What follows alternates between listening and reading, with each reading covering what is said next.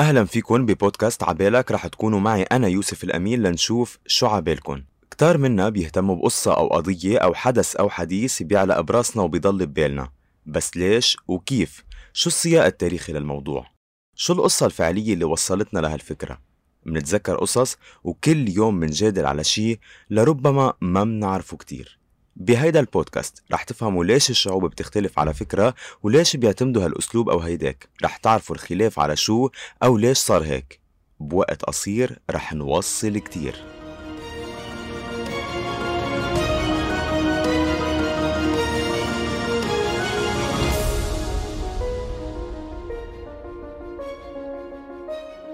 شاعر القضية محمود درويش. أرشيفه مليء بالأشعار الوطنية والثورة ضد همجية الاحتلال. فبحسب كتير ساهم محمود درويش بتجديد القيمة الإنسانية للشعوب وكان معروف عنه حبه للدول العربية بداية بموطن فلسطين للبنان وسوريا وغيرهم كتير. بيروت لا ظهري أمام البحر أسوار ولا. قد أخسر الدنيا نعم قد أخسر الكلمات والذكرى ولكني أقول الآن لا. هي آخر الطلقات. لا هي ما تبقى من هواء الأرض لا. هي ما تبقى من حطام الروح. لا.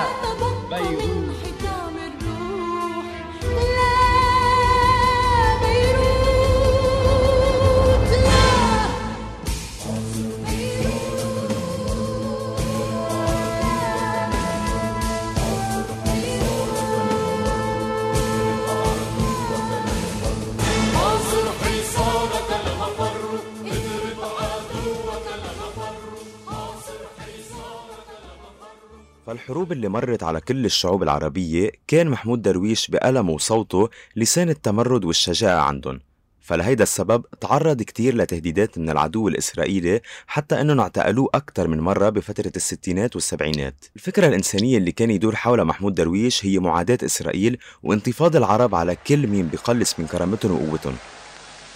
الآن الآن فقط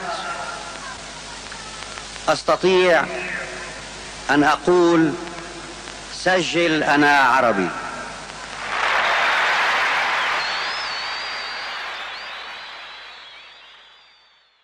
وهيدا الجزء من الشخصية الشعرية لمحمود درويش ما بيلغي إنه كان ناطق باسمه كإنسان بحب وبعيش بمأساة هالمجتمعات فمسودة محمود درويش اللي كان يخفيها عن الكل بتتضمن العديد من الأفكار والكلمات اللي ما صرح عنها بأشعاره. لأنه يمكن كمان إنه بعتبر الكتابة عملية كتير سرية. بحبش أي حد يشوف مسوداتي ولا هذياناتي الأولى قبل ما تستقر على صيغة شبه هيدا التميز لبدرويش ما كان محصور بقضية وماشي فيها بل كان قريب من كل الأوجاع اللي عند الناس والحب والوحدة بشكل أساسي إلهم دور كبير بهيدي الأشعار. تنسى كأنك لم تكن.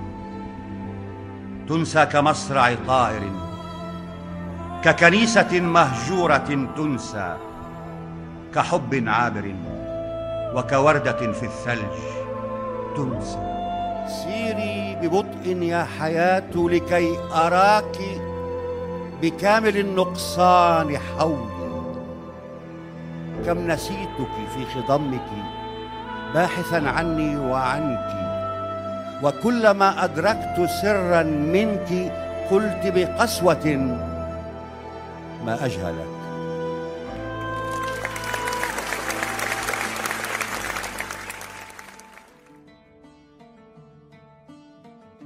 فكلنا منعرف ريتا بطلة أشعار محمود درويش واللي صار في كتير شكوك حول هويتها ومين هي بحياة محمود درويش. قصيدة ريتا وشتاء ريتا الطويل. أجمشت ريتا طويل هذا الشتاء.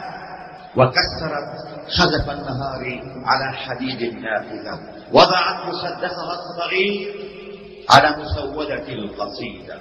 ورمت جواردها على الكرسي فانكسر الهديل ومضت إلى المشهور حافية وأدرك بالرحم على الرغم من انه الشاعر الفلسطيني نفى أكثر من مرة تكون ريتا شخصية حقيقية وكان يقول انها من نسج خياله مجرد شخصية فنية طلعت كتير حكايات بتقول إنه ريتا بتحمل الجنسية الإسرائيلية ووقع بحبها محمود درويش. والصدمة كانت إنه بعد أكثر من 40 سنة من الغموض كشفت المخرجة ابتسام مراعني بفيلمها سجل أنا عربي عن تمار بن عامي اللي هي ريتا.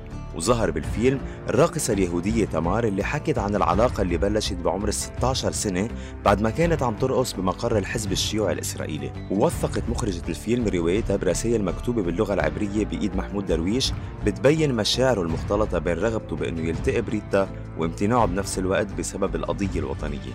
وصرحت تمار عن رسالة وصلتها من محمود درويش بقول فيها أردت أن أسافر إليك في القدس حتى أطمئن وأهدأ من روعك. توجهت بطلب إلى الحاكم العسكري بعد ظهر يوم الأربعاء لكي أحصل على تصريح لدخول القدس لكن طلبي رفض.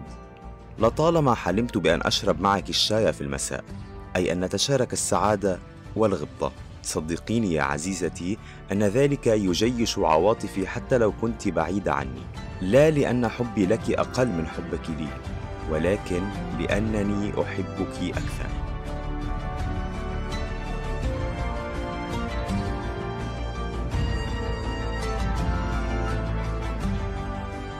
ولكن انضمام تمار لصفوف جيش العدو الإسرائيلي حط حد لهيدي العلاقة اللي انتهت بحزيران 1967 ونهاية الحب عند محمود درويش بعد فشله بالزواج لمرتين كانت بقصيدة سيء الحظ.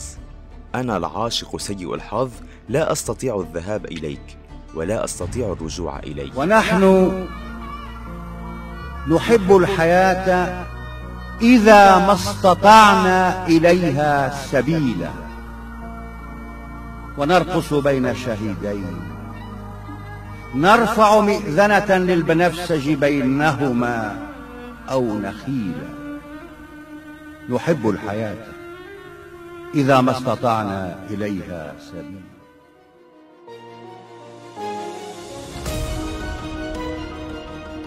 وانتو شو فضولكم الأكبر عن هالموضوع؟ شاركونا وخلوا دينيكم معنا لحلقة جديدة من بودكاست عبالك.